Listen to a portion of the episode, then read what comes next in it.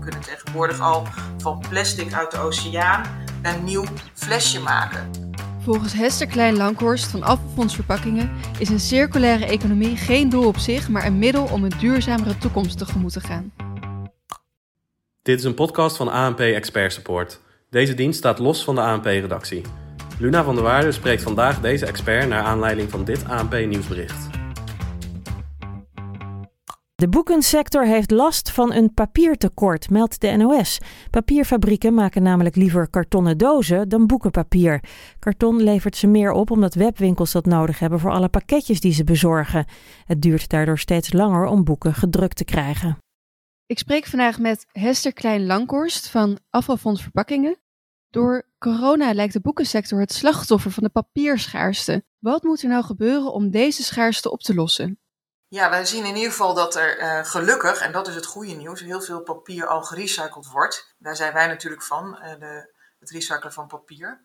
En uh, dan zie je dat we al boven de 90% zijn. Dus, dus maar zo nog meer gaan inzamelen en recycling is niet de oplossing. Wat wel een, een goede zou zijn, is dat er nu veel papier gebruikt wordt in de sector van de thuisbezorgd. En daar zie je toch nog wel, hè, ondanks dat het steeds beter gaat, dat daar ook nog wel wat te winnen is aan uh, zorgen dat de dozen iets meer op uh, maat worden gemaakt. Dus daar kunnen zeker nog stappen in gemaakt worden. En uh, daarnaast zou er ook gekeken kunnen worden of er andere verpakkingen natuurlijk gemaakt kunnen worden voor de thuisbezorgd. bijvoorbeeld wat je ziet tegenwoordig is ook plastic verpakkingen. Alhoewel om nou allemaal plastic verpakkingen over te gaan, ik ook niet meteen zou aanmoedigen. Maar kijken of er meer variatie is en nog meer kijken of het beter kan worden afgestemd op het product. Dat zou een van de eerste dingen zijn waardoor je een, uh, gelukkig steeds meer uh, ook weer voor boeken kunt gebruiken. In ieder geval gebruiken niet voor het wc-papier gerecycled papier, want dan is het letterlijk door het putje heen gestopt. En ik hoor je zeggen, plastic zou een oplossing kunnen zijn, maar is niet ideaal. En dat is vanwege het milieu of waarom zou plastic geen oplossing zijn? Nou, plastic is een gedeeltelijke oplossing. Wat we zien in, de, in het recyclen is dat we papier echt al goed recyclen. Dat doen we echt al boven de 90%. En voor plastic zitten we boven de 50%. Dat komt ook inderdaad, Nederland loopt weliswaar voorop. En dat doen we echt al lang en ook goed. Ook met plastic wel. Maar plastic recycling doen we nog niet zo lang. Eigenlijk nog maar een jaar of 10, 15. Terwijl papier en, en glas al veel langer. Dan zie je dat daar inderdaad de, uh, al veel beter en meer wordt gerecycled. Dus ik zou heel erg kijken naar wat nodig is voor een product. En daar de verpakking op afstemmen. En, en dat zou dan papier kunnen zijn of plastic. En je noemde net ook al even dat uh, Nederland het heel goed doet uh, met het recyclen. In Nederland ja, is er nu een veel hoger recyclepercentage dan wat de EU-doelstelling is. Namelijk 80% tegenover een doelstelling van 55%. En wat je net ook al zei, 90% van het papier en karton wordt gerecycled. Hoe komt het dat Nederland dat zo goed doet? Ik zit er lang in, dus ik zie het inderdaad ook gebeuren. Van oudsher zijn we inderdaad al in Nederland bezig met het niet meer laten storten van, uh, van vuil. Want uh, we hebben natuurlijk weinig ruimte hier. Dus alles wat we aan ruimte gebruiken om vuil te storten is zonde. Dus veel eerder dan andere landen waren we genoodzaakt om opnieuw producten en, en, en grondstoffen en materialen opnieuw te gebruiken. Uh, nou, dat maakt dat we echt al, al, veel eerder in de recycling zijn gestopt dan een heel aantal andere landen. En daarmee komt ook dat er in Nederland, hè, we zijn een klein land, we kennen elkaar over het algemeen goed in de sectoren, we kunnen elkaar goed vinden. We hebben een haven waar veel binnenkomt, Rotterdam, Amsterdam, havens.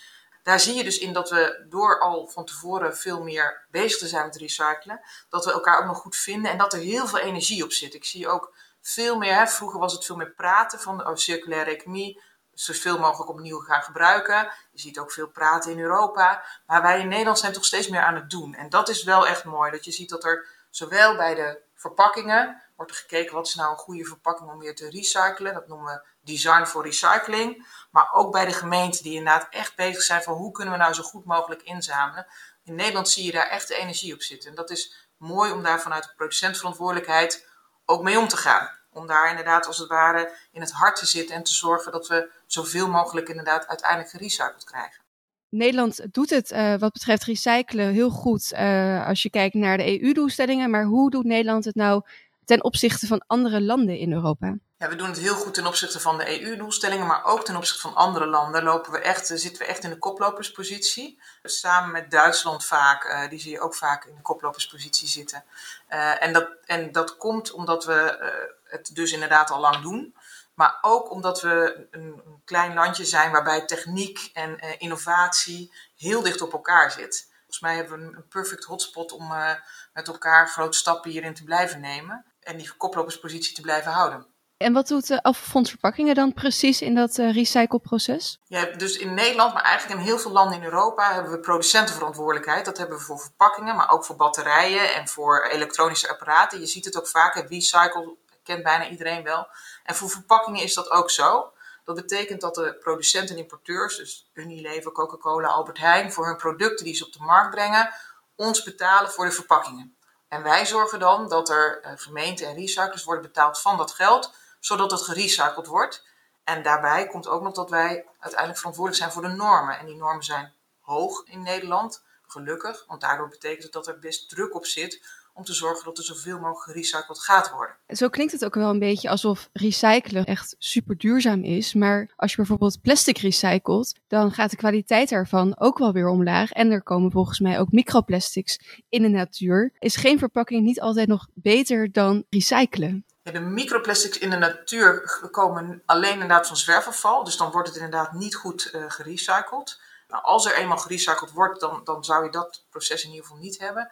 Als je geen verpakking nodig hebt, dan moet je het absoluut niet gebruiken. Dus dat is zeker waar. Op het moment dat je iets niet nodig hebt, moet je het niet gebruiken. Maar wat je ziet is dat heel veel producten, en zeker tegenwoordig, vroeger ging je naar de boer met je kannetje en dan ging je melk halen. Nou, dat doen we tegenwoordig niet meer. En melk kopen we eigenlijk uit de supermarkt. En we willen eigenlijk ook wel dat het vrij lang houdbaar is. In de leefstijl waarin wij zitten, heb je verpakkingen vaak nodig. Niet altijd, hè? nogmaals, als het niet nodig is, echt niet doen. Eh, want het product wat erin zit, is, heeft veel meer milieu-impact dan de verpakking zelf. Dus zonder verpakking iets doen en daardoor zorgen dat het product eerder weggegooid moet worden. Dus voedselverspilling bijvoorbeeld is een veel groter probleem dan de verpakkingen. Dus een verpakking inderdaad is nodig, maar je kunt natuurlijk wel steeds meer kijken of er ook meermalig uh, gebruikt kan worden, een verpakking. We zien dat in de logistiek, en dat weten veel weinig mensen, dat er in de logistiek pallets en kratten best wel vaak al meermalen gebruikt worden. Waardoor je dus eigenlijk niet continu nieuwe grondstoffen in hoeft te zetten. Nou, daar kunnen we natuurlijk wel naar kijken of dat in meerdere verpakkingen mogelijk is. Daar zitten we nog in het begin van een. Uh, dat is nog niet zo makkelijk, want ook daarin moet je inderdaad gaan kijken waar kan het wel en waar zit het, het product niet in de weg. Maar waar het kan, is het natuurlijk wel mooi om die kant ook meer te gaan ontwikkelen. Volgens mij is het goed om zoveel mogelijk grondstoffen opnieuw te gebruiken. Dat is altijd goed. Alleen het is geen doel op zich. Je moet uiteindelijk kijken naar de hele milieu-impact en het klimaatprobleem uh, waar we voor zitten. En daar kan recycling een, een, eh, een bijdrage aan leveren. Dus eigenlijk hoor ik je zeggen, circulaire economie is niet een doel op zich, maar helpt wel uh, voor een betere toekomst. Absoluut, ja. Dus duurzaamheid, volgens mij, duurzaamheid in een brede is het, het doel op zich. We willen zo'n duurzaam mogelijke toekomst hebben. En daar is circulaire economie een onderdeel van, uh, waarbij het soms botst met andere uh, met andere uitgangspunten van, uh, van duurzaamheid. En, en daar moet je dan telkens naar kijken. En hoe ziet volgens jou de toekomst van verpakkingen en recycler eruit?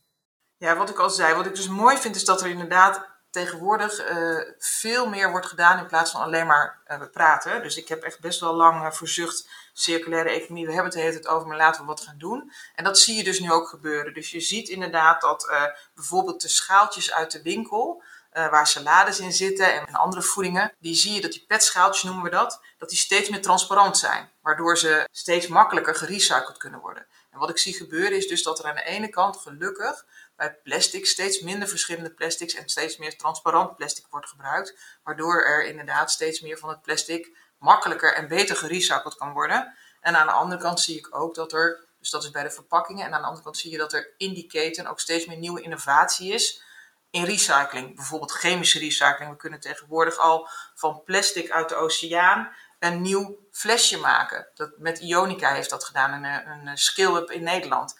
Dat is natuurlijk geweldig. En aan de andere kant zie ik ook wel, en dat is een beetje wat me zorgen baart, is dat er, omdat men plastic liever niet wil gebruiken, omdat het een, slechtere naam heeft gekregen, uh, en het zwerfafval is het natuurlijk ook echt een probleem, en uh, de plastic soep, dat men overgaat naar andere materialen, die vaak dan gelamineerd zijn. Dus dat je papier krijgt met een, met een plastic laagje. En als dat te veel gaat gebeuren, dan zie je dat die recycling weer bemoeilijkt wordt. En dat is dus een van de opgaven, denk ik, dat we met z'n allen wel kijken. Is de verduurzaming daadwerkelijke verduurzaming van de verpakking? En is het daadwerkelijk recycling ready of niet? het klinkt als een uh, duurzame en circulaire toekomst die bij ons in het verschiet ligt. Ik denk dat we in Nederland, het zou mooi zijn als we als Nederland de koploperspositie houden. Ik denk dat het goed is voor het milieu, maar ook voor ons als Nederland, waarbij we toch uh, uh, goed zijn in, wat, in, in het recyclen van spullen. En we hebben met onze haven hebben we veel mogelijkheden om grondstoffen naar ons toe te trekken. Dus laten we deze voorsprong ook houden, want dat is ook goed voor uh, Nederland als economie. Dankjewel, Hester. Deze en andere experts staan in de database van ANP Expert Support. Voor meer informatie naar anp.nl/slash expertcast. Dit is een podcast van ANP Expert Support. Deze dienst staat los van de ANP-redactie